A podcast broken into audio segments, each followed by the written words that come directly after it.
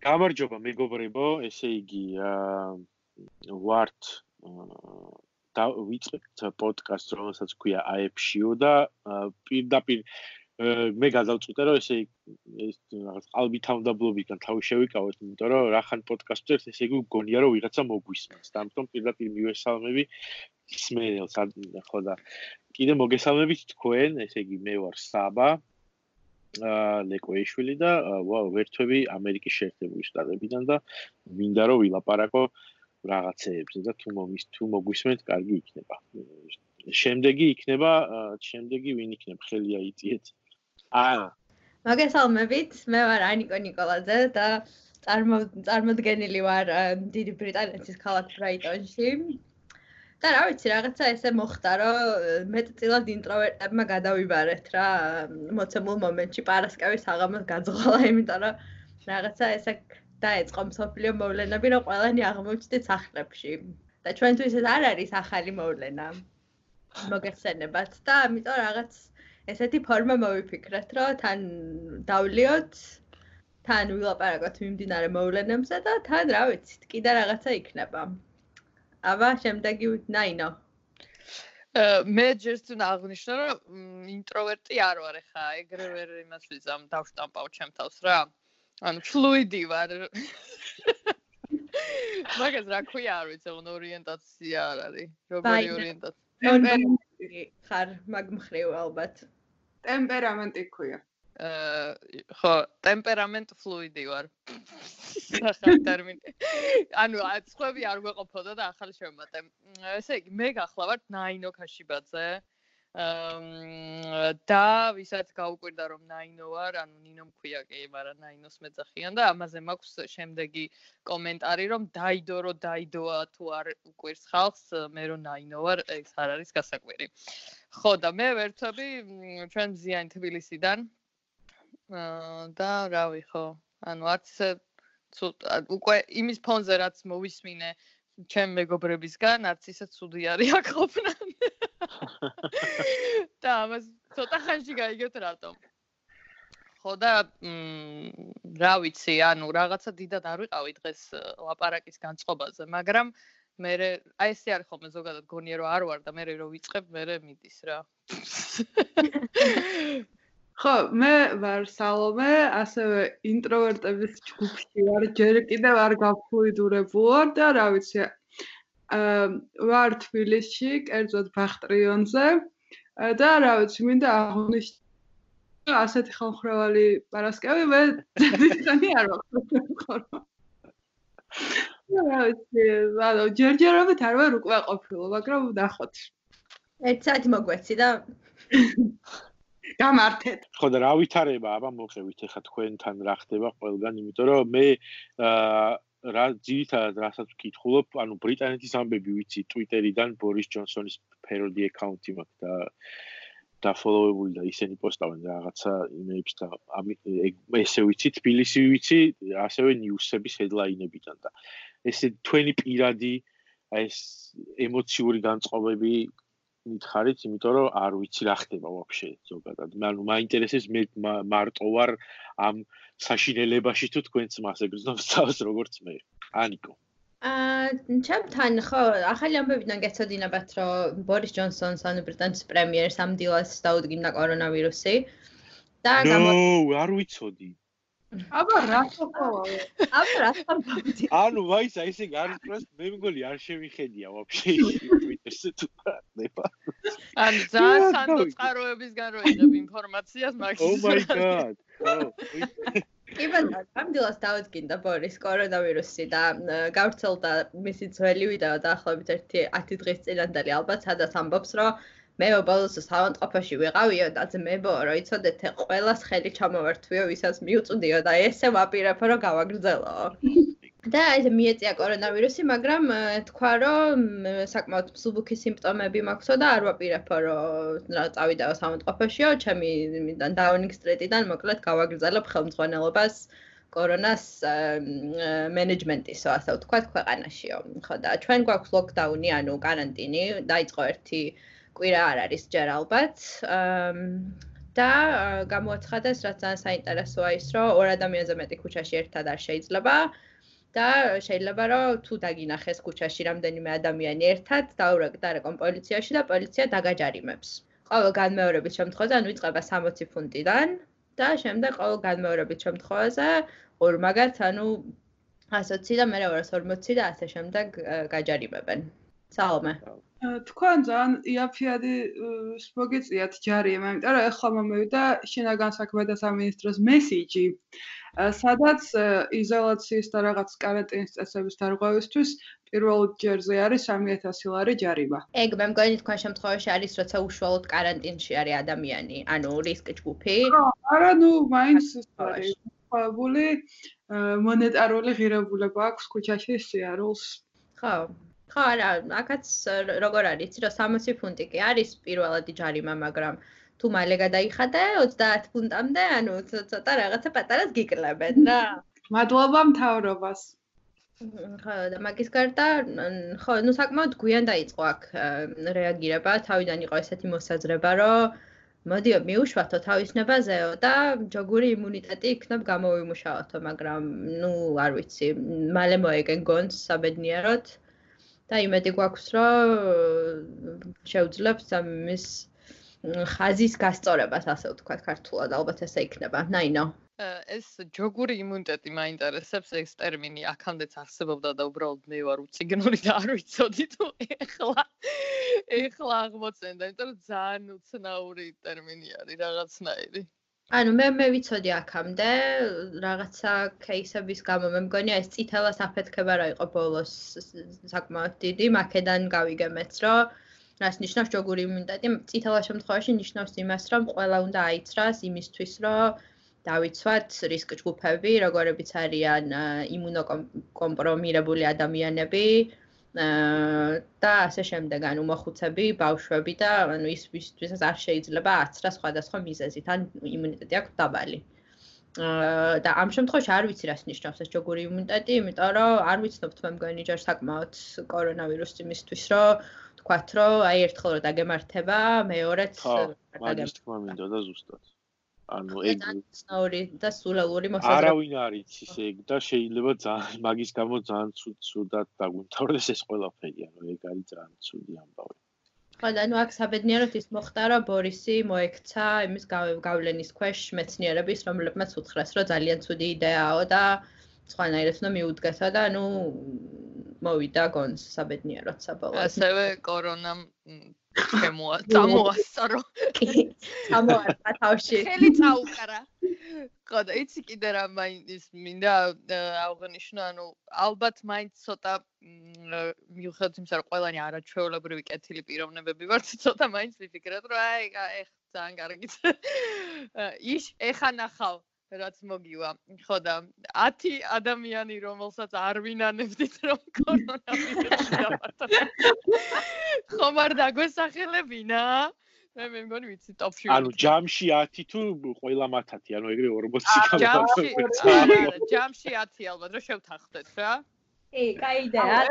მეგონა რომ ყოფილიყო ჰარი ვაინშტაინი და აგერ ასე აგიხდეს ყველაფერი. სამყარო ფიქრა. რაღაცნაირი ის არის, ბეტმენივით არის ეს კორონა რა, აი მენა justice. აუ, ეხა ძალიან ამ ამისთვის მე მგონი ძალიან შევიგინები. მე მე შემეგინება თუ რა რაც არის. ალბათ კი. ხები უკვე. რავი, ვიხუმრე ხო, იმიტომ რომ აღარ შემილია ამ თემაზე სერიოზულად საუბარი, უკვე აი მართლა ძალიან დავიღალე. ყველა მხრივ ყოველთვის ამაზე განხილვით და რაღაცები ნიუსების კითხვით და ანუ ვიცით რაც ხდება, ყველაფერი ტრაქშია, მაგრამ მოდი ცოტა ხანდახან გავიცინოთ ხოლმე რა, იმიტომ რომ ვცდილობ რომ აი ვეძებ რაღაც ისეთ თემს, რაც გამახალისებს და მარტო ვირუსზე არ იქნება და ხელების ბანაზე, იმიტომ რომ აღარ შემილია. ხო აი ეგ ბორის ჯონსონზე იმიტომ არ ვიცოდი, ეხა გამახსენდა, იმიტომ რომ გუში საღამოს, კარჩი ვიჯექი უყურებდი CNN-ს. მაგ ჩართული სულ 24 საათი და უცებ მივხვდი რომ ძალიან ცუდად ვიყავი, პროსტა აღარ შემეძლო რა. და ეგრევე გადავრთე იმაზე, რა ქვია, Netflix-ზე და რაღაცა სრულიად დეგენერატულ კომედიას ვუყურე, რა პროსტა აი აღარ შემეძლო იმენა. და იმის მერე მე მგონი მაგ ტალღაზე ვარ და დღესაც რაც გავიღვიძე იმის მერე თამაშობ პროსტა აი არც ერთი ნიუსი არ წამიკითხია და აი ეგ მინდოდა მეთქვა რომ თავიდან კაროჩე ერთია პირველი 10 დღე ძალიან ჩართული ვიყავ აი ყველაფერი წავიკითხე ვაფშე ამ ვირუსის შესახებ აი რაღაცაში რაღაცები მოვიმარაგი და აპოკალიფტიკური თემების პონჩი და გუშინ მივხვდი რომ პროსტა აღარ შემიძლია იმენ აი ძალიან ძალიან დავიღალე რა ხელის დაბანითაც დავიღალე. მომარაგებითაც დავიღალე იმაზე ფიქრით. ჭურჭლის რეცხვით დავიღალე, აღარ ანუ აღარ შემილია, არ მინდა, ანუ არაფერი. და ვაფშე რა, სახში ჯდომით არ დავიღალე, ოღონდ ანუ და ამას ცოტა ხანში აღნიშნავ, როცა ჩემ სიტუაციაზე ვისაუბრებ. ანიკო. ყველა ანუ მე იმით დავიღალე რომ ყოველდღე ვამბობთ მე და ტომი რომ მოდით არაფერი არ მოვიმარაგოთ იმიტომ რომ ყველაფერი უკვე გვაქვს და მოდი რაც გვაქვს ჯერი შევჭამოთ და მე როგორღაც აღმოჩნდება ხოლმე რომ ქუჩაში რომელიც გავდივართ მოგვაქვს რაღაცა რაც შეიძლება რომ გაგვითავდეს ერთი თვის მერე და თან ძალიან ცოტა ადგილი გვაქვს კარადებში რეალურად და ამიტომ თავზე გვაწყვია მიწის თხილის კარაქი და მსგავსი პროდუქტები. რომელიც უნდა აღნიშნოს, რომ პირველადი საჭიროების აუცილებელი პროდუქტია. ის გარეშე ციცოცხლე შეუძლება. როგორც შაქარი მაგალითად, რომელსაც ზოგი ადამიანი იმარაგებს ხოლმე და არ ვიცი, დიაბეტი, სიკვდილი, ალბათ მაინც ცოტა ვილი ვიყიდე ერთი ტომარა, რომ თუ რამე პური გამოვაცხო ხოლმე. თუ ეგეთ კრიზისი ჩავარდა ამერიკა, რომ აი პური რომ გამოსაცხობი მექნება, აი მასეთ მასეთ სცენარს ველოდები, ხო ხდები? მე იმედი მაქვს რომ როცა დამთავრდება ეს ყველაფერი და კარგად დამთავრდება ესეთი საინტერესო ის იქნება ძალიან რეალიტი შოუ რომ ყველა მინდ მოიმარაგა ეს ყველაფერი ჭამოს. Baking show cooking show? ყველაფერს ქაღალდიც ყველა რაც კონდა ქაღალდი მე რა ლოგიკურად გაგრძელება იქნება ამ ყველაფრის ჭამის. ვიღაცას ვიღაცას ქონდა ჩემ ნიუსფიდში ძალიან კარგი ესა რა ქვია თეორია რომ მალეო ტუალეტის ქაღალდის არტი წამოვაო.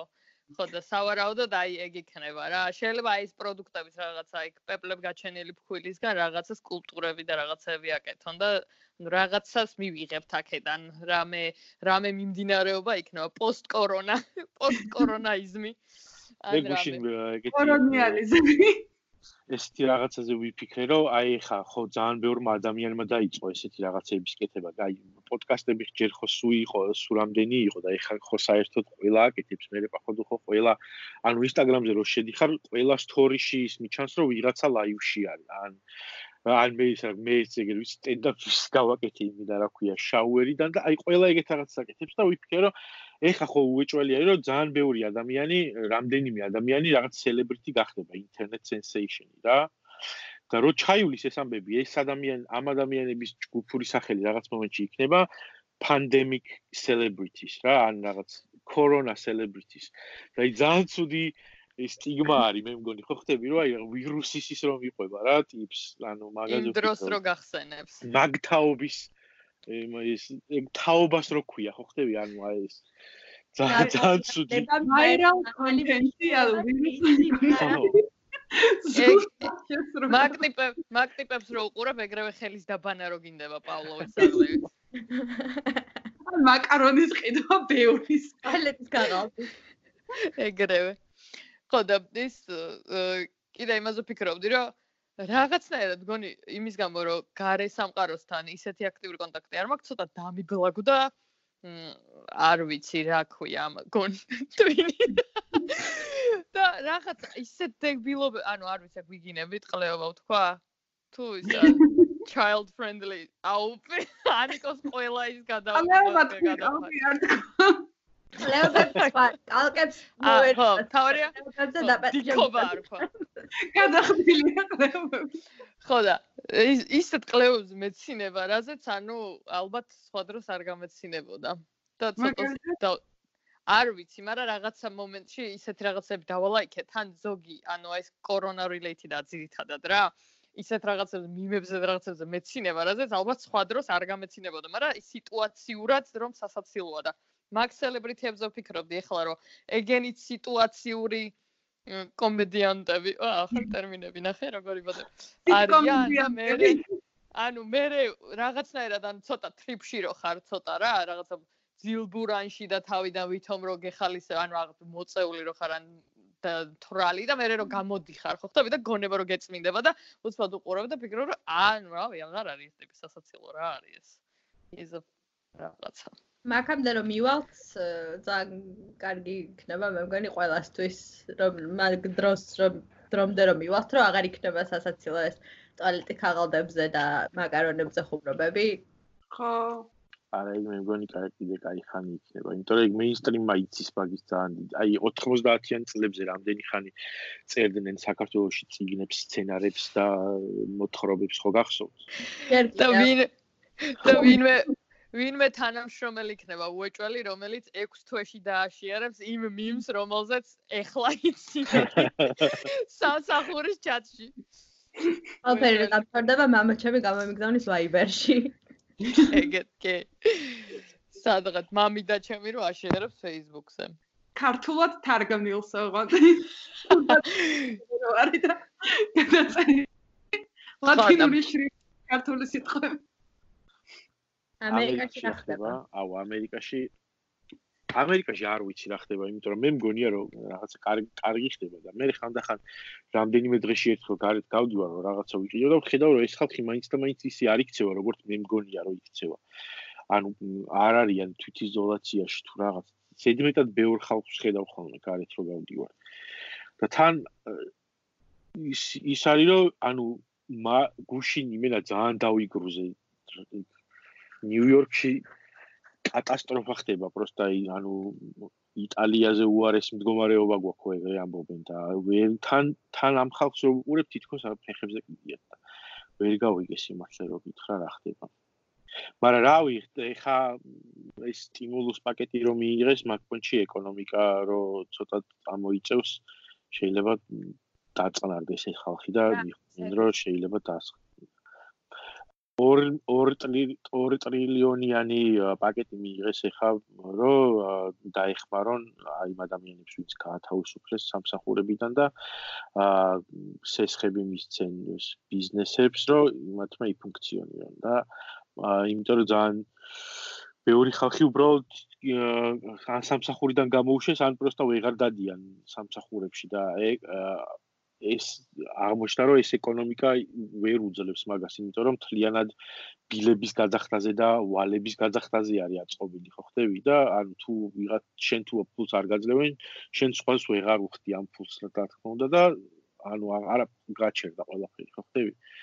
და ეხა მაგის ის არის ხო და მე მგონი რა ეგ კონცერნი თუ მოეხსნება ხალხს რომ თქვა ცოტა ხანი ფინანსურად სტაბილური მაინც იქნება ამ სტაგნაციაში, მე მგონი შეჩერდება ეს ვირუსის. ის არა. პანიკა.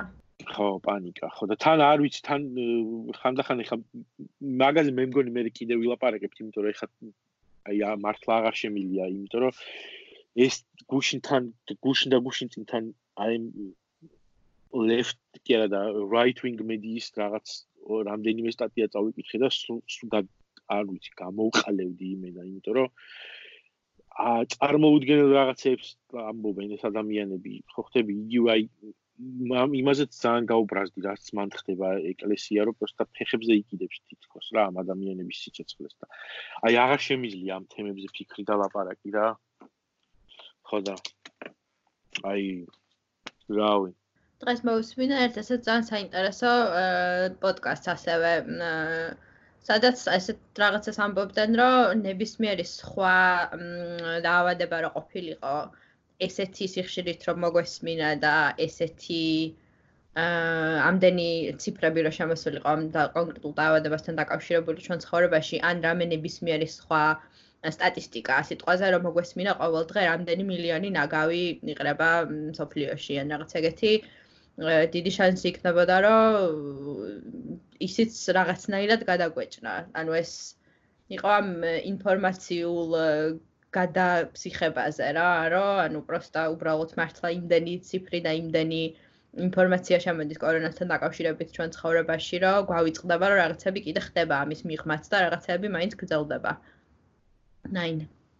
ამ მაგაზე მეც ვფიქრობდი, რომ ანუ რამდენი არის, რა თქმა უნდა, მედიის ისტორიით გამოწვეული, მაგრამ აქ, იმიტომ რომ მაგალითად ის ქათმის გრიპი და ღორის გრიპი და ასე შემდეგაც ხო იყო რა და იგივენაირი ისენია, რა ქვია.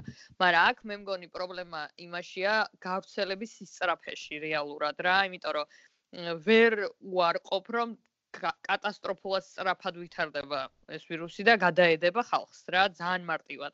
მაგიტომ მგონია რომ კი, ანუ რაღაცებზე მეტი ინფორმაცია რო გქონდეს სტატისტიკურად შეიძლება უფრო concerned ვიყოთ, მაგრამ ნაგვის თემა მაინც ეგრევე რო არ გკლავს და პირდაპირ ის არა აქ რა შენზე, იმიტომ რომ ყველამ ვიცით რომ ნაგავი იყრება, ყველამ ვიცით რომ გამონაბოლქვია, მაგრამ მაინც არ არ ვაჩერებთ იმ მანქანას რა და ეს იმდენად პირველ ხაზზე ხარ ამ პირისპირ სიკვდილთან ასე რო ვთქვათ, რომ უფრო გაფხიზლებს და მაინც იმაშვება რა, სხვანაირი რეაქცია გაქვს ვიდრე სხვა სტატისტიკაზე. ამიტომ ნაწილობრივ დავეთანხმებოდი მაგას, ну, რა თქმა უნდა, მედიის ემით ბევრია გამოწვეული პანიკით, ასე რომ ვთქვათ, მაგრამ თვითონ სპეციფიკაც მე მგონი დაავადების იწევს რა მაგას. ხო, ანუ დაავადებების ხრის შედარების ამბავს მეც ანუ ნაიდოს მხარეს ვარ, ვიდრე რაღაც მაგ დისკუსიის, რომ აი ღორის გრიპებიც იყო და რაღაცეებიც და ეხლა პროსტა მედია პანიკაში ჩავარდა, მაგრამ ანუ იქ მგონია ეგ ლოგიკა თუ არ ვიცი, ან შენიშნა თუ რა ვიღაცა კომენტარი, რომ აი მაგალითად რაც კორონას სტატისტიკები ყველა ამროზე პირად ვიცით და რაღაც ყოველ წუთში თვალს ვადევნებ თუ არა გვეუბნებიან, რომ აი 10 კაცი იქ მოკლა და 1000 ეგ დაემატა და რაღაცა ეგრე რო ვიცოდოთ თქვა რამდენი ადამიანი კვდება შიმშილით სოფლის მასშტაბით. ან რაღაც მსგავსი ტიპის ამბები რა. ანუ პირდაპირ ადამიანების სიკვდილთან ან რაღაც არსებების სიკვდილთან რაც არის. მაგ მაგ ამბებს მგონი რომ მართლა ცოტა უფრო კმედითი იქნებოდა რაღაც ნაბიჯები ყოველას მხრიდან რა. ანუ გასაგებია რომ ხო ამ კორონაზე თუ შემიძლია რომ კმედითი ნაბიჯი ქმედით ნაბიჯად ჩაითვალოს ის რომ სახლიდან იშვიათად გავიდა და რაღაცეები უფრო კარგად დავისტერილიზო და რაღაც პროცედურები ჩავიტარო ვიღაცა მოშიმშილე ბავშვების სისტემურად გადასარჩია ცოტა უფრო მეტი ნაბიჯის გადაწყვეტა მიწევს მაგრამ მაინც მგონია რომ რაღაც ხრო წნეხი თუნდაც თავრობების სახელმწიფოების დიდრების და სხვა მექანიზმების ბევრად ჩართული იქნებოდა რა. ან მართლა ყოველ წელს რო გესმოდეს ეგ ხო, მაგრამ აქ ნახე მე მგონი რომ იმაშია საქმე რომ იქ ვიღაცა ბავშვი ყודם შიმშილით რა, ანუ ძალიან ისე რომ შევხედოთ ცივიგონები. აქ არის რეალურად შენი სიკვდილის საფრთხე, რომელიც რა თქმა უნდა გაცილებით უფრო ახლოს მიგაქ. და შესაბამისად თვითონ სახელმწიფოს მეთაურები და მაღალ ეშელონებზე მყოფი ხალხი, ვინც გადაწყვეტილებს მიიღებია, ისინიც არ არიან ამისგან დაცული რა. ანუ შიმშილი მათ არაწუხებთ, მაგიტომ მაინც იმიტომ არიან, სადაც არიან, რომ არაწუხებთ ეგ პრობლემები რა. ვერ ვერ აიგივებენ მაინც, იმიტომ რომ ალბათ რაც უფრო მაღლა მიდიხარ ამ რაღაც იერარქიაში, უფრო ხალხთან, ხალხთან, მაგრამ ცოტა უფრო მაღლა. აა ხალხთან კონტაქტს კარგავ რა, იმიტომ რომ ნუ სხვანაირი ფსიქოლოგიური ის გაქვს მაგ მომენტში და სხვა სხვაგან ხარ მოკლედ. თორე რეალურად ანუ მოკლედ ეგ ყველაფერი ხალხი ბავშვები შემშელეთ კვდებიან, ყველამ ვიცით რა, შეიძლება ყოველ დღეს რო არ შემახსენ, ანუ ალბათ რო შემახსენო ყოველ დღე მაინც სინდისი უფრო შემაწუხებს, მაგრამ აი რამდენად მოქმედებისკენ მიბიზგებს, არ ვიცი, აქ იმაზეა, რომ იმენა თვით გადარჩენის ინსტინქტზეა მთელი ეს ყველაფერი, იმიტომ რომ პირდაპირ შენ სიცოცხლის იმაშება რა ქვია, უთქვნის საფრთხეს ეს ვირუსი რა. ანუ მე მგონი ისე არ უნდა გავიგოთ ეს ამბავი, რომ კორონავირუსი, ანუ შესაძლებლად არ მithქვამს ის, რომ ინფორმაცია მოგვეწოდება ძალიან დიდი რაოდენობით, ანუ იმის პირობებში ვამბობ, რომ ინფორმაცია მოგვეწოდება ძალიან დიდი რაოდენობით და ცოტა ალბათ უნდა შეუზღუდოთ ინფორმაციის მიღება, რომ ვართ იზოლაციაში, ხელებს ხშირად ვიბანთ და ასე შემდეგ. ანუ ეს ნაწილი არ უნდა შეიცვალოს ნიუსების მიღების მე მგონი ჩვენი ყოველდღიურობისგან და არა ის რომ ანუ იმას არ ვამბობ რომ რაღაცა ზედმეტი კეთდება ახლა კორონასთან დაკავშირებული რამე არავითარ შემთხვევაში. საომე. აა მე იმის თქვა და ანუ ხა მაგნატილში გეთანხმები რომ აი რაღაცის იქით უკვე შეიძლება ზედმეტია ეს ინფორმაცია ან არ ვიცი ან მაგრამ ალბათ ჩვენთვის რომლებიც რაღაცებში პრინციპში ცოტა პასუხისგებლიანი ხალხი ვართ რაღაც საზოგადოების და რაღაც ერთმანეთის წინაშე. მაგრამ რაღაც ხრო ისიც არის, რომ აი გარეთაც რო ვუყურებ ხალხს პეკინზე თუნდაც მაგალითად ანუ მაინც დაადატვირთულია მოძრაობა ხალხი მაინც დადის ნუ ეკლესიებზე საერთოდ არაფერს არ ვიტყვი ან ალბათ კიდევ ცოტათი მეტი ინფორმაციაც რომ მიეწოდებოდეს, რამდენად საშიში არის რეალურად და რა საშიელი შედეგები შეიძლება დადგეს ამ ვირუსის გამო და იმის გამო რომ სახლში დარჩენის მაგერად ქუჩაში შეირნობა და ერთმანეთთან ჩახუტება და ძმობა არჩიეს ალბათ შეიძლება კიდევ უფრო მეტი ინფორმაცია არის რა საჭირო, იმიტომ რომ არ ყოფნის საზოგადოების რაღაც ნაწილს, ვერაფასებს რისკებს სათანადოდ და ანუ არ ვიცი ბოლომდე სახეში უნდა ავაფაროთ ალბათ, რომ არ არის ის რა ანუ გასაგებია რომ შეიძლება შენი თავი არ გადარდებს ან არ ვიცი გადარდებს, მაგრამ ვერ ხვდები რომ სადარდებელი გაქვს ამ მოცემულობაში. მაგრამ ეს არის ხვებსაც რისკის ქვეშ აყენება, ანუ ოჯახის წევრებს თავი დაანება სრულიად უცხო ადამიანებს და ეგეც არის, რომ ალბათ, რავი, თუ არ დაიზაფრნენ იულიანისა ჩვეულებრივად და იქნებიან მოსიარულე ვირუსის გამავრცელებლები. გონი პროსტო უნდა გადავდოთ ეს ვირუსი და მაგრამ კარანტინას გარბიან, ეგეც არ არის გამოსავალი. არ ვიცი. საბა.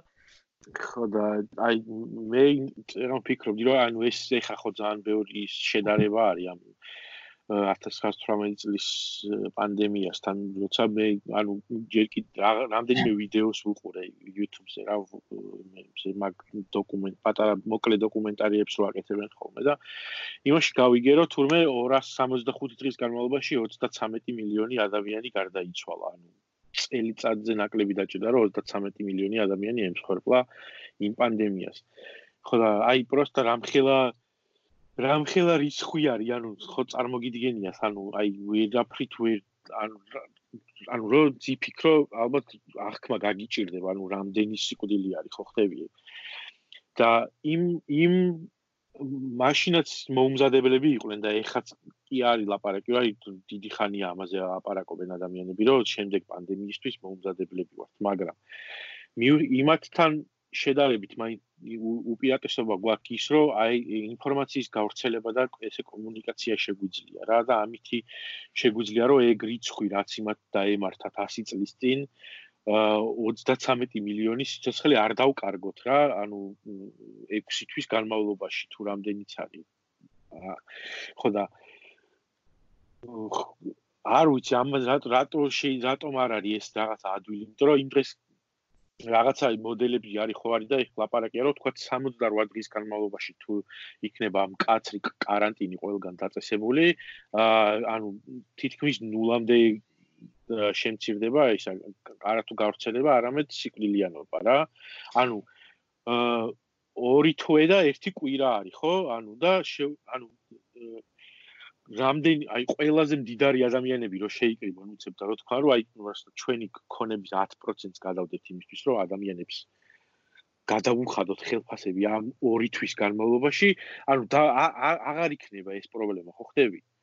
და ვე ვე ვერ ხვდები რატო რატო არის? ანუ რაღაც მომენტში თან ესეთ ესეთ იდეებს რო წამოაყენებ ხოლმე მაგაზე ანუ არ ვიცი რა რეაქცია უნდა მქონდეს. იმიტომ ეს რაღაცას რო იტყვი მე რო ვიღაცა მემარჯვენე ყლე ბავშვა მოგიწიალდება და ის რაღაც რეჩებს გეტყვის რომ როგორი პათეტიკური თუ რაღაცა ეგეთი ყლე აი ხო ხვდები და აი ვერ რა ანუ თან არ ვიცი რანაირი რეაქცია უნდა მქონდეს რა ესეთ რაღაცეებზე რა. ორი კომენტარი მაქვს და მე მაგაზე ერთი ის რომ ნულა მე მაინც რომ ვცდილობ რომ იუმორი შემოვიდა. ერთი ის რომ ნულა ხო ხო შენ კომედი ფაჩ კარგია ესე იგი ერთი ის რომ ნულამდე დავა სიკვდილიანობა ისევე როგორც ლარის კურსი. და მეორე წერა ვფიქრობდი რომ 1918 წელს ანუ თვითონ ვირუსი უფრო სწრაფად ცელდებოდა ვიდრე ინფორმაცია სავარაუდო და რა. ხო ანუ რომ გაიგებდი უკვე დაიწყე ხო ხო და აქ ის მაინც გვაქვს რა რავი ტვიტერი არის. რა მივიღეთ იმ ზარ საბა მაინც შეიძლება რომ ბორის ჯონსონს. არა ბორის ჯონსონს კი არა ბორის ჯონსონის პაროდიის აკაუნტს აფოლოს ხო და არის ის რომ ეთქობა რაღაცა იმდენად თანაუგრძნო იმან პაროდიულმა აკაუნტმაც კი რომ არის ხომ რა იმ ფაქტზე რომ ყოველას გვეცინება იმ ფაქტზე რომ ბორის ანუ რა ვიცი ყოველას გვეცინება. აი. და თანაუგრძნოს ალბათ ის არის რა მემარჯვენები არის. ყველაფერზე და თანაგრძნობის გზნობა აქვს ჯერ კიდე. ხო და იმ იმ შენ კომენტარსაც შეეხება ხო ანუ ეგ მგონია რომ ანუ არანაირ პრობლემას არ ვხედავ იმაში რომ ვიღაცებს შეიძლება უფრო მეტი კონდეს ვიდრე სხვებს მაგრამ ესეთ მომენტში როცა შეგიძლია რომ სხვა ადამიანებს გვერდში დაუდგე რატომაც არ დაუდგე რა ანუ ეს მომხვეჭელობა რას მოგიტანს? ანუ ყველა ან მით უმეტეს შემოსავლიანმა ადამიანებმა, ანუ მეც კი ჩემი საშუალო შემოსავლით, რომელიც ნუ საქართველოში ალბათ საშუალოზე მაღლად ითვლება, არ ვიცი, მივედი იმ დასკვნამდე, რომ არანაირად არ მოაქვს ფულს ბედნიერება რა და მით უმეტეს მილიონები რო გაქვს, ხო უნდა მიხვიდე, მაგრამ ნუ ალბათ მაინც ვერ მიდიან მაგ იმამდე, რომ არ მოაქვს მაგას ბედნიერება რეალურად და ა პირიქით ალბათ ის რომ რაღაცა კოზში კოზში ბოდიში რაღაც ადამიანების პრობლემას და რაღაცას. ანუ იმაზე არ არის აქ ლაპარაკი რომ პროსტა ისე აჩუქო რა ვიღაცებს ეგეთ ეგეთ დათურ სამსახურზე არ არის აქ ლაპარაკი. არის იმაზე რომ შენც რო პრობლემა არ გაგიჩნდეს და არ გაიჟუჟოს ის ხალხი ვინც მუშაობს და შენ სიმდიდრეს გამოიმუშავებს ისინი იყვნენ ცოცხლები რა. ასე რომ ვთქვა ხო და ანუ ეგეთი ვალიდური არის ანუ მასე პრაგმატული მემარჯვენეიზმით რომ მიუძღე ადამიანი. აი მაგა ეგეც გიჩდება ლოგიკაში ხო ხდებიან? ხო ხო და რატომაც ანუ მიუხედავად იმისა რომ ძალიან მემარცხენე მხრიდან შეხედო ისედაც რატო არ უნდა ქნა ეგ პროსტა ადამიანური თვალსაზრისით მაგრამ პრაგმატული მხრიდანაც შეხედო რატომაც არ უნდა ქნა რა და ანუ არ არ ვიცი ხო რაღაცა ტრივიას ჩავაგდებ უცებ ანუ ვიღაცამ ვიღაცას ქონა დაპოსტილი იმ დღეს რომ რიჩარდ ბრონსონი ვირჯინ ვირჯინ ატლანტიკის CEO ვინც არის იმა თხოვა თავის თანამშრომლებს რომ ანუ უხელფასო შვებულებაში გადითო და ანუ ამ დროს ხელფას არ გადაუხდის და ვიღაცამ დათვალა რომ 34 მილიონი დაუჯდება ამ ადამიანს ორი თვე რომ შეინახოს თავის თანამშრომლები. და მისი ქონება არის რაღაც 7 მილიარდი თუ რაღაცა ხო ხდები ანუ ამ ხალხს როიზრუნოს დარჩება 6 მილიარდ 70 მილიონი რა. ანუ ხო აი მაგაზე მაქვს ლაპარაკი. ხო ანუ სადმე აქ ეს ან რა ჩემ ყლეთ უნდა კაროჩე აი რა თუნდა ამდენი? ან მიიღოთ ის რომ არ არ არ არ იმაშვები რა ქვია არ განსჯი უბრალოდ ჩემი თავიდან გამომდინარე და ბოლო პერიოდში რა იმამდეც მივედი რა ქვია. დასკონება მომდენ რომ ჩემ თავში მაქედან გამომდინარე ვამბობ რა თორე იმიტომ კი არა რომ არის ხა ეხა რატო აქ იმას ან კიდია მე სხვა სხვა გზას ვადგავარ ბოლო დრო ძალიან ძენში ვარ რა უნდა გიქხათ მაგაზე მე რეგესაუბრებ ხო, ანუ რასაც შედამბობდი ზუსტად მაგაზე და ვარ მეც რომ არანაირი პრობლემა არ მაქვს იმასთან რომ ვიღაცას კონდეს მილიარდები, მაშინ თუ ყოველას ექნება საკმარისი. ანუ აქ არ არის ლაპარაკი იმაზე რომ წავართვათ მდიდრებს და ყოველას თანაბრად გავუნაწილოთ ამაზე საერთოდ არავინ არ აქვს მე მგონი. ნუ ვიღაცებს აქვს ალბათ ამაზე ლაპარაკი, მაგრამ ჩვენ მე მგონი ამას არავინ არ ვითხოვთ. თუ ყოველას ექნება საკმარისი. ფულს მილიარდელები უხდიან. ხო, არ ვიცი. ხო ანუ ის არის რა უბრალოდ აქ იმაზეა ლაპარაკი შენ რა გაწუხებს ასე რომ ვთქვა რა ანუ მაგალითად ბილ გეიტსი მიუხედავად იმისა რომ Skype-ი ძალიან გააფუჭა Microsoft-მა ზაბადა რაღაც ესე მომეჩვენა არ ვიცი რატომაც და ნუ ზოგადად სულ რაღაცა იმაზეა ლაპარაკი რომ აი რამდენად უფრო თესლი ტიპი იყო ჯობსი და რამდენად ბანზი არის ბილ გეიტსი მაგრამ რეალურად ბილ გეიტსი გაცილებით უფრო თესლი ტიპია აი ახლა ამ გადმოსახედიდან რომ უყურებ და ვაანალიზებ მათ პერსონალიტებთან მეტი რაღაცები გავიგე იმასთან დაკავშირებით რომ რავი ჯობსი არც ისე კარგი ადამიანი იყო ზოგადად და არავის დიდად არ ევასებოდა და რა მადლობა რომ iPhone-ი მაქვს, მაგრამ რა ვიცი, Samsung-იცაც ვიხმარდი, არ იქნებოდა პრობლემა. If you're dick to the people, I don't care. აა ხოდა Bill Gates-ი კიდე, რა ვიცი, მიმებში აფრიკაში წყალს და რაღაცებს სუფთა წყალზე ზრუნავს, რომ ტიპებს კონდეთ და იქ რაღაც პანდემიაზე კაკრას 6 წლის წინ თუ 5 თუ რაღაცა წლის წინ რა ვიცი ნუ მოკლედ ნახავთ YouTube-ზე არის TED Talk-ი ქონდა სადაც ზუსტად იმაზე ლაპარაკობდა როგორ არ მუშაობს აა საზოგადოებრივი ჯანდაცვა და როგორ ვერ გადავიტანთ მომავალ პანდემიას რა. ზუსტად მაგაზე ქონდა ლაპარაკი რა პრობლემაშიცაც ეხა წავაწყდით და ანუ არანაირი პრობლემა არ მაქვს მის მილიარდებთან როცა ხედავ რომ ადამიანურ რაღაცებზე გული შეტკივა და ცდილობს რომ თავისი წვლილი შეიტანოს. რა ანუ შეიძლება მისი ქონების 10% იყოს მაგრამ ხო ზრუნავს ამაზე რა. ანუ შეიძლება ძალიან ისე ნაივური იყოს ხო ი მე რა 10% ისე ძილობისთვის აქ და პიარისთვის მაგრამ რა მნიშვნელობა აქვს ანუ ეს 10%-ს მაინც დებს და ზოგი რავი ხეებს დაათრევს მაშინ როცა მის ქვეყანაში დედა ყველას მოტყნული და რა ვიცი ხალხს უკვე და ლარი არის ტრაქში წასული. რა და ანუ ეგ ჩემთვის მნიშვნელოვანი გახდა ბოლო პერიოდში და უფრო დავიწყე დაკვირვება, რაც უფრო ჩემ თავზე დავიწყე დაკვირვება. მაქენა გამომდინარე, იმიტომ კი არა რომ მე მინდა რომ ვიღაცამ იმასქანს რა ქვია მოვიდეს და ფული მომცეს ტყუილად, ანუ არ მჭირდება არავის ფული, მთელი ცხოვრება ჩემი მაქვს. მე მჭირდება, მე მივიღებ ფულები. ხოდა შესაბამისად ანუ ეხლა ხვდები რატომ არის მაგალითად ბილ გეიტსი კაი ტიპია ჩემ თვალში? ანუ არ ვიცი ხო ვინმე შეიძლება კონდეს ინფორმაცია დაკავშირებით რატო არის ცუდი ტიპი. მაგრამ რასაც ვაკვირდები ჭკვიანი და კარგი ტიპია მაგ პონჩი რა იმიტომ რომ სწორი ჩემი ფასეულობების სწორი რაღაცები აწუხებს და ადარდებს და ძილობს რომ წვლილი შეიტანოს. ხო და შესაბამისად იმაზე არ არის რომ ვიღაცებს პროსტა დაურიგო რა.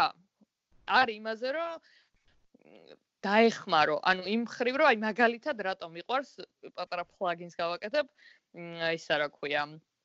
აა ეს საქველმოქმედო პლატფორმა Charte, რომელიც ანუ იმებს რა ქვია, თინეიჯერებს, რომლებსაც არ აქვს წვდომა ინტერნეტთან, მაღალ მთიან სოფლებში და სხვაგან, ანუ არა არა თბილისში ძირითადად, ეხმარება რომ გაუყვანონ ინტერნეტი და მიიღონ ამათ ინფორმაცია, ცოდნა და ასე შემდეგ. იმიტომ რომ ნუ ინფორმაცია ჩვენ საუკუნეში ყველაზე მნიშვნელოვანი ეს არის ალბათ ვალუტა, ასე რომ ვთქვათ, ხო? და მე ანუ მიხარია რომ წელს ვიღებ იმაში რომ ეს ადამიანები განვითარდებიან, იმიტომ რომ ზოგადად ანუ პრაგმატულად რო შეხედო ქვეყნის განვითარებისთვის შესაბამისად ჩემთვისაც კარგია, იმიტომ რომ მე აღარ იქნება იქ ხალხი, რომელიც რაღაც სრულ წმენების ჯერად და საპატრიარქოსი, რომელიც დაცინის, ხო? ანუ იმიტომ რომ მეტი ინფორმაცია ექნება, ნუ იმე იმეც ვიტოვებ ეს არ არის ბოლოს ჩემი ჩემი ის არის, რა ქვია. სურვილი რომ ჩემი შეწირული 20 ლარით იბერიას გავამწყინებ. ხო და შესაბამისად, ანუ რატო არ დაეხმარო უბრალოდ ისეთ ადამიანებს, ვისაც შეუძლია, აი ხელი წაახმარო რა. ის კი არა რომ ადგე და მიზი ოჯახ შეინახო, არა, ცოდნისთვის დაეხმარო რაღაცას ხო. ანუ ეგეთ დახმარებაზე მაქვს ლაპარაკი რა, თორე ის რომ გადავანაწილოთ ახლა თანაბრად, აა შენ მეტი გაქვს, მოდი და სხვა. ანუ ეგ ბუღალტერია მაგარი სისულელია და მაგის მოხრე საერთოდ არ ვარ. ხო, ანუ თავარი აზრი არის ეგ რომ ანუ რაღაც ხელმისაწვდომობა ქონდეს ყველას რა ანუ თანაბარი განვითარებისთვის ახლა. წყალი რო არ მაქვს და რაღაცა რო არ მაქვს ან აფრიკის კი არა საქართველოს ბევრი სოფელში და რეგიონში რო ცხოვრობ და ციგნი არ მაქვს და ინტერნეტი არ მაქვს და არაფერი ანუ მე ბოდიში ვარ ნუ მე ლაპარაკები იმაზე რომ ზარმაცი ვარ და არ ესა იმუშავე მეტი და გექნება ვერ მექნება ვერაფერი იმიტომ რომ რავი ვერ ვისწავლე ვერაფერი და ან რო ჩავაბარე ციტო მე საბედნიეროდ პრივილეგირებული აღმოჩნდი მაგამ ბავში მაგრამ ანუ რო აბარებ და მშობლებს არ აქვს იმის ფული რომ გადაგიხადოს სწავლის თანხა ქირა და რაღაც და დღედაღამე 24 საათიან სლოპში რომ სახეგძრება ვერც მეცადინეა ფულიც არ გაქვს და ანუ ვერაფრით ვერ ვითარდები რა და ანუ ზუსტად ეგ განვითარების ამბავია რა ყოველს მიეცეს ეგ საერთო საწყისი ამბავი თანაბარი და მე ახლა შეთუ მართლა რაღაცა თესლობა აღმოაჩინა და გამოიგონა გქონდეს 1 მილიარდი და თუ მეზარება რაღაცებს გავიგე არ ფიჭერიო და არაფერ ვიჯდები მთავარია შიმშილის არ მოკვდა წყურული და ჯანდაცვა მქონდეს და თუ მომინდება და ტრაქს თუ გავანძრავ მეც ვიშოვო რა რაღაც უფრო მეტი და თუ არ მომინდება ძირითადი ბაზისური რაღაცები ყოველს საკმაყოფილებული ნახავს ამ დღეს ვაფშე არ არის კონტექსტი ან შიმშილით მოკვდა, მაგრამ ცხელი წყალი მაინც მქონდეს რა, ანუ თუ საჭმელი არ მაქვს უბრალოდ იმიტომ რომ ზარმაცი ვარ, ცხელი წყალი მაინც მქონდეს, რომ სუფთა მოკვდა. ანუ შუქი მაინც მქონდეს. ხო, რო რო მოკვდები, ვიღაცა მიფიქროს, რომ ე, ამაზე ორი კვირა შუქი რატო არ ჩაუქრია? მოდი, აბა ნახოთ და მოვლენ და ნახავენ რომ მოკვდი რა. ხო და ანუ მაგ პრობლემა ის არის კიდე რომ ანუ მასეთ რაღაცებს როც ლაპარაკობთ ხა თქვენ ხო ძირითადად და წარმო წარმოგვიდგენია რომ აი ჩვენნაირ ქვეყნებში ხდება რა ან კიდე უფრო დაბალი დონის ქვეყნებში ხდება და უცებ კაროჩი აქ იჩთები ამერიკაში რომელიც ყველაზე მდიდარი ქვეყანა არის სოფლიოში და ანუ ისტორიაში ხო? და ანუ first world country არის ანუ ამაზი არის სწორება და აქ ყავს მაგალითად 3 მილიონი ადამიანი, რომელიც უბრალოდ შიმშილობს, ანუ ყოველ დღე. ანუ ანუ აი როგორც აფრიკაში შიმშილობენ, თქვათ, რომ ნახულობ აფრიკაში რა ხდება თუ ომის ზონები რო არის, როგორც შიმშილობენ ადამიანები, ისე შიმშილობს აქ ამერიკაში 3 მილიონი ადამიანი. 40% ქვეყნის მოსახლეობის 400 დოლარი არ აღმოაჩნდა ხელზე ან ბანკში იმისთვის, რომ მოემარაგებინა რაღაცა აი ესეთი სიტუაციისთვის, ხო ხდები?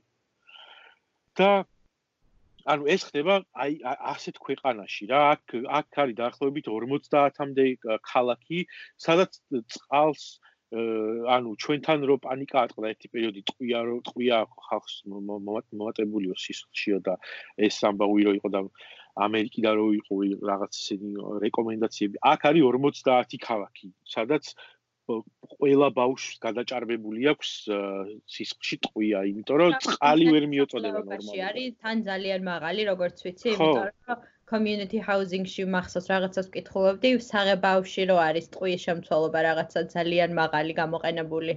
ხო, ხო და ანუ ეგ არის რა, ესეთი რაღაცეები რო აქ ხდება თან პრობლემა ის არის რომ ძალიან ბევრი ადამიანი რომელიც თქვა უფრო ღარიბი ქვეყნიდან არის ჩამოსული.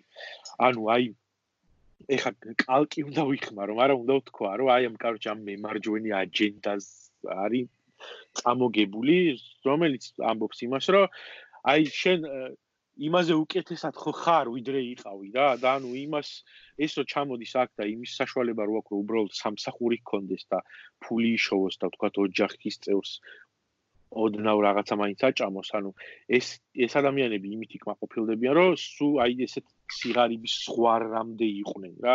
ანუ აი ესეთი ის არის, რა, აი კუბაში კუბაში შიმშილობდი, ვენესუელაში შიმშილობდი, გაიგე, მაგრამ აქ ცოტა ფული მაინც გააქვს და აი ამ ხალხზე აქვთ აწყობილი აი ეს ძალიან ცუდი სისტემა, რომელიც გეუბნება იმას, რომ რომელიც ტყუება იმას, რომ თითქოს ეს აი ეს კაპიტალიზმი და ფრი მარკეტი ძალიან მაგარი რაღაცა არის, რომელიც ყველას გამდიდრებული ყავს, მაგრამ ამ დროს მოიხდედავ და ქვეყნის 40 მოსახლეობის 40%-ს 400 დოლარი არ აქვს ხელზე, ან ბანკში, ხო ხდები? რომ საჭმელი ტუალეტის ქაღალდი იყიდოს რა. პირველად ანუ რა ეს ეს თუ არ ეს თუ არ გეუნება იმას რომ აა კაპიტალიზმი არის არის იმენა რომელიც რომელზეც პროსტა გატყუებდნენ ადამიანები მაშინ მე არ ვიცი რა რა რა უნდა რა გარწმუნოს ამაში ანუ ხო ხდები არ ანუ i give up. Okay. საბანებდება აბა დანებდა.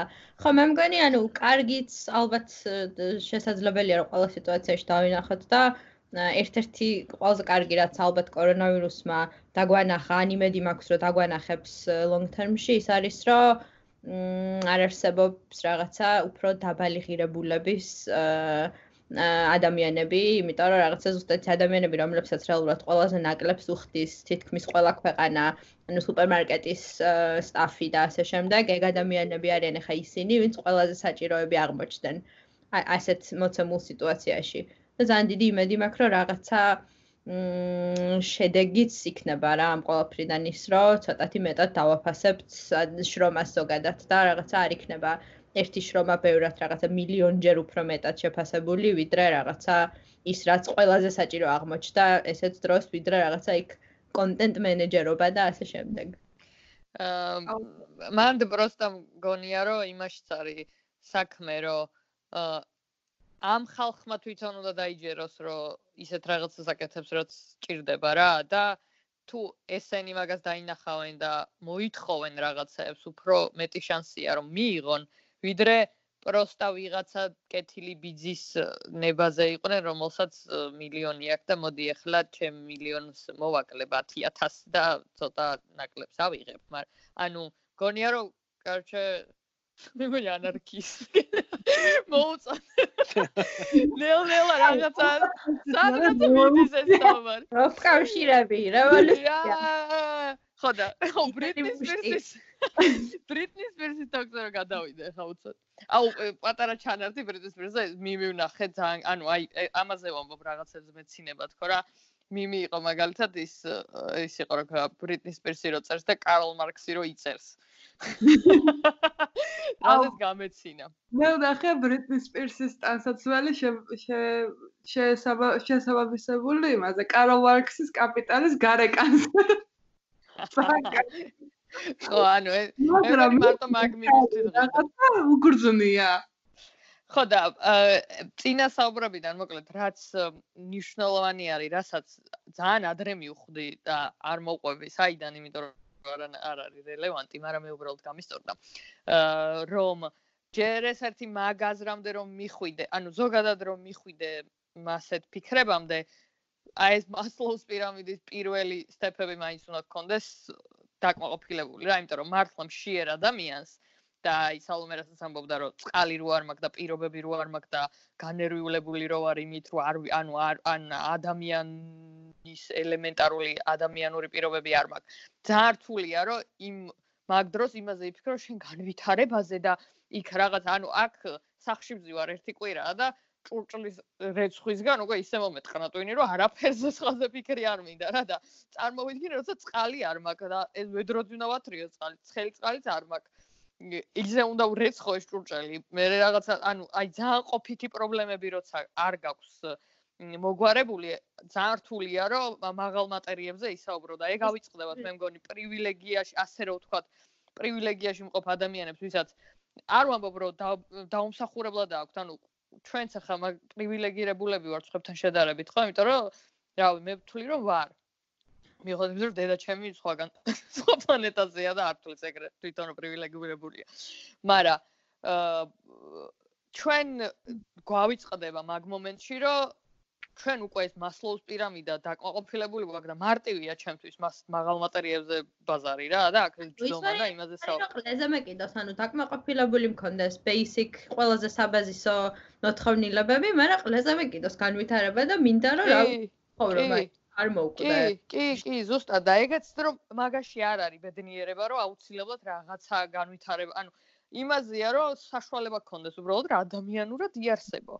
და მართლა, ანუ აი ქართულ სოფლებში ხა მაგალითად ზუსტად უწყლობაზე რო იყო ლაპარაკი, ძალიან მაწუხებს ეგ საკითხი, იმიტომ რომ ეხლა ხანს აგარაკი შევიძინეთ და ანუ ძალიან აქტიური სოფელი არის. არსად წყალი არ აქვს საქართველოს მასშტაბით კანალიზაცია არ არის როგორ შეიძლება რომ 21 საუკუნეში თბილისთან ახლოსთან ანუ შორსზეც კი არ არის ლაპარაკი აი რო თქვა რომ აი სადღაც ჩემ მიყრუებული იმერეთის სოფელში რომელშიც აღარ არის მოსახლეობა კაი ჯანდაბას. მაგრამ წყალი რო არ არის, ანუ რანაირად უნდა იარსებოს ამ ხალხმა და მიწას დაუბრუნდათ რო იძახიან და ტვინს ტყანავენ, ანუ სად ტრაქში დაუბრუნდე? მიწას ტუალეტი რო არ მაქვს რა, ანუ შეიძლება ამ ხალხს იმდენად მიჩვეულები არიან მაგარემოს რო თვითონაც მოთხოვნა ავიწყდებათ მაგისი და მაგასაც ვატყობ რო მაგ მხარესაც არის პრობლემა რო არ ითხოვენ რაღაცეებს, იმიტომ რომ ვერ ხვდებიან, იმიტომ რომ ნუ მით უმეტეს კომუნიზმიდან მოყოლებული ხალხმა არ იცის რომ რაღაცების მოთხოვნის უფლება აქვს რა. მაგრამ რავი, სახელმწიფო რა ხარ, დედამოტყნული, ხო უნდა იცოდე, რომ წყალი გაიყვანო რა, წყლის პრობლემა რო არ კონდეს ხალხს.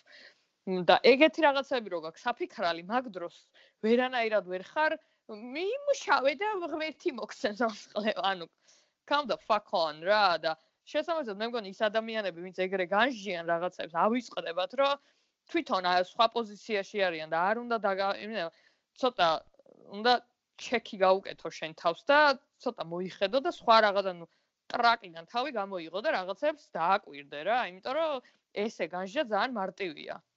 აუ მაგ იმაზე მინდა და ზუსტად თქვა რა, ანუ ისა შემოწმება შენი მდგომარეობის, რომ აი ძალიან ძალიან ბევრი ჯგუფი ხო დამამატეს. ამ რაც იზოლაციები დაიწყო. ძალიან ბევრი პოსტი ხომ ხდება რომ აი ვინ რა ახალ რეცეპტს ტესტავს ვინ რა ვარჯიშს აკეთებს რაღაც და ის ფაქტი რომ ჩვენ სახლიდან ვმუშაობთ და გვაქვს სტაბილური შემოსავალი მიუხედავად იმისა, რომ სახლიდან ვიშავთ, არის უზარმაზარი პრივილეგია. ანუ კი, საოცარი და მაგას ვიძახებ ეგეთი პრივილეგია, რომ მე დღეს შემიძლია, რომ იქ რაღაც Zoom-ი ჩავრთო და call-ი მქონდეს და იქ მე რაღაცა დავწერო და იქ რაღაც გავგზავნო ისე, რომ საერთოდ არ ვიგრძნო, რომ რაღაცა სხვა ხდება ჩემს სამუშაო პროცესში და არც ჩემს ბანკის ანგარიშს არ ეთყობა, რომ რამე უბედურება ხდება. ანუ ძალიან დიდი პრივილეგიაა და ამ დროს ანუ ხდება ის რომ ძალიან ბევრი ადამიანი დარჩა უსამსახურად და ანიკო რასაც ამბობდა რომ ყველაზე დაბალსხაურებადი ხალხი არის სიამბულეში დღეს ის ვისაც დგას. რამე თუ მუშაობს იმ დღეს შემხვდა ერთი ჯგუფი არის ესეთი ცოტა ანუ მემარცხენე ჯგუფი არის, მაგრამ თეორიებით არ იტყუნება რატოინი, ანუ რაღაც ფაქტები და რაღაც ლოგიკური დისკუსიები დისხალვა და მან დაიდო, ჩემო მეგობარმა დაწერა ნიუსი, რომ აა თუ ვიღათ whatever.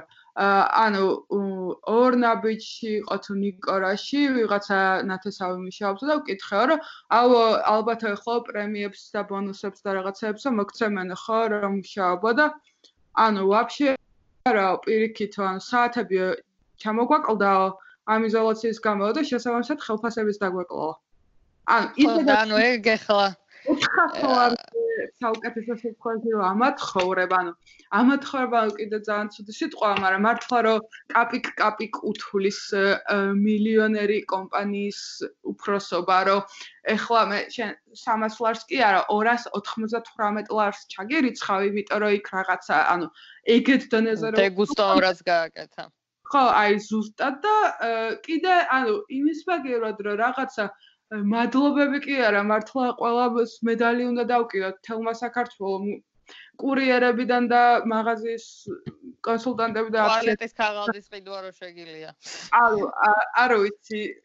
რაღაცა ჩვენ რა თფილად ვარ და ის რა გვაქვს პრობლემა რა Netflix-ზე რას უყურო და ხალხი რავი რისკავს მთელ თავის თავს და ოჯახს და ან მაგასაც არ ვაფასებთ რა, ანუ არაფასებენ კომპანიები და ზოგს კიდე ეგ სამსახურიც რო არ დარჩა. აა მან და არის რაღაც ეგ პრივილეგიების გადამოწმება რა, ანუ აი თუნდაც რაღაც კომპანიის დირექტორი რო ხარ ეს დედამოტყნული და ძალიან ბევრი მილიონი რო გაქვს შემოსავალი, ანუ პროსტ აი რავი, რაღა გინდა ხო, ანუ რაღაცა მასოულ მესამე პირამიდის იქით ფული აღარ ცვლის არაფერს რა, ანუ საჭმელი რო გაქვს, სადარდებელი რო არ გაქვს, რა ეხლა სწავლის ფული გაქვს განსახდები, ბენს ჩამიჭრიან და რაღაც მაგის იქით უკვე ბედნიერება აღარ არის ფულზე დამოკიდებული საერთოდ ანუ რავი მეცნიერებამ დაადასტურა და ვიდეოდაზმა კვლევა უნდა.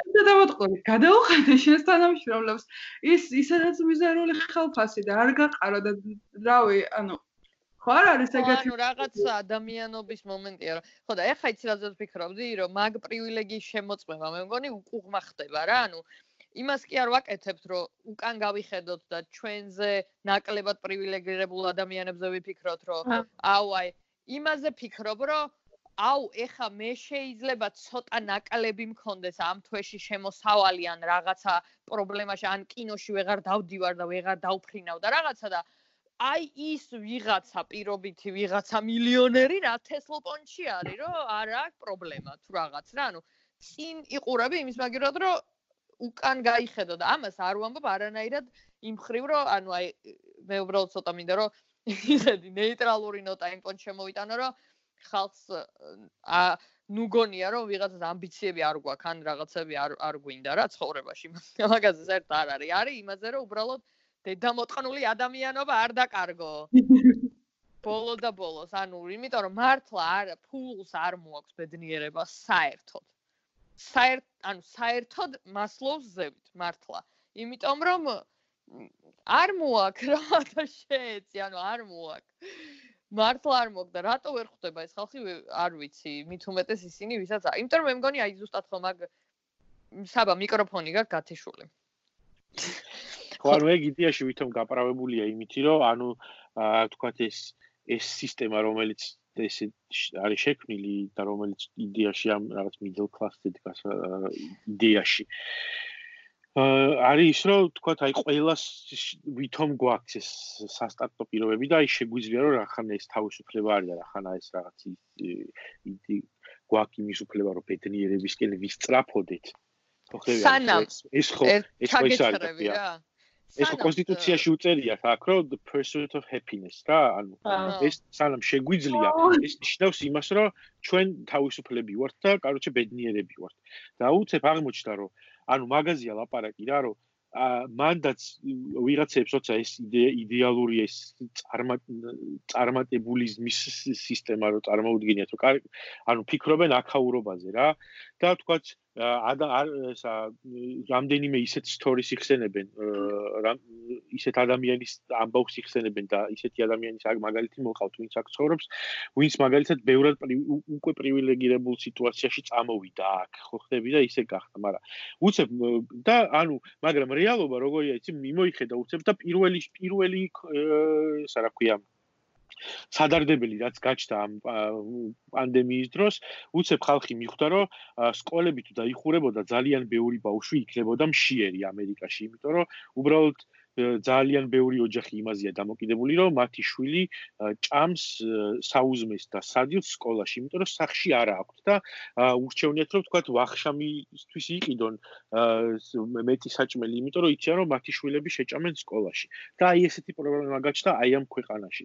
და მაგაზია ლაპარაკი, რომ ეს რაღაცა ტუტუცური მიდგომაა რა, რომ აი არა, აი ნახე ჩვენ ესე უნდა ვისწრაფოდეთ ამისკენ და ეს არის ძალიან მაგარი და რაღაცა და და ვითომ გეუბნებია რომ შენ თუ ესეთ შენ აი შენ რას ვამბობ რომ აი თქვა აი ეს ხალხი რომელსაც ბავშვები მშიერი ყავს ეხა აი ყველა სოფლიოში ყველაზე მდიდარ ქვეყანაში ზარმაცები არიან როცა ამ ქვეყანაში ესა რა ქვია 3 3%-ზე არის უმუშევრობა რა ანუ აი 97% მოსახლეობის მუშაობს, ხო? მე მგონი მაგას, ანუ არა 97% აა უქმედუნარიანი მოსახლეობისა მუშაობს, ხო? და ესა რა ქვია ამ დროს აღმოჩნდა რომ ხალხი რეალურად მშიერია და ანუ ეგ არის რომ იმას მაგ თეორიას ვეწინებ არ უნდა ვიმარა ხო და მე ვიღაცა ტიპი იმაზე ბრაზდები ხოლმე რომ ვიღაცა ტიპს რომელსაც 2000 ლარი აქვს ხელფასი შემოსავალი იმას გონია რომ კლასობრივი ომი მასსა და პოპულის თანამშრომლებს შორის არის და იგე და ანუ აა კი, იმიტომ რომ საქართველოში ისა 3000 ლარს ზევით შემოსავალი თუ გაქვს დიდრად ითვლები. აუ, იმ დღეს რაღაცა კოლევით, ანუ რაღაცა რამდენი დოლარია უკვე 3000 ლარი? 1000. იმენა, ერთი გაკლუება რაღაცა ის ამერიკაში.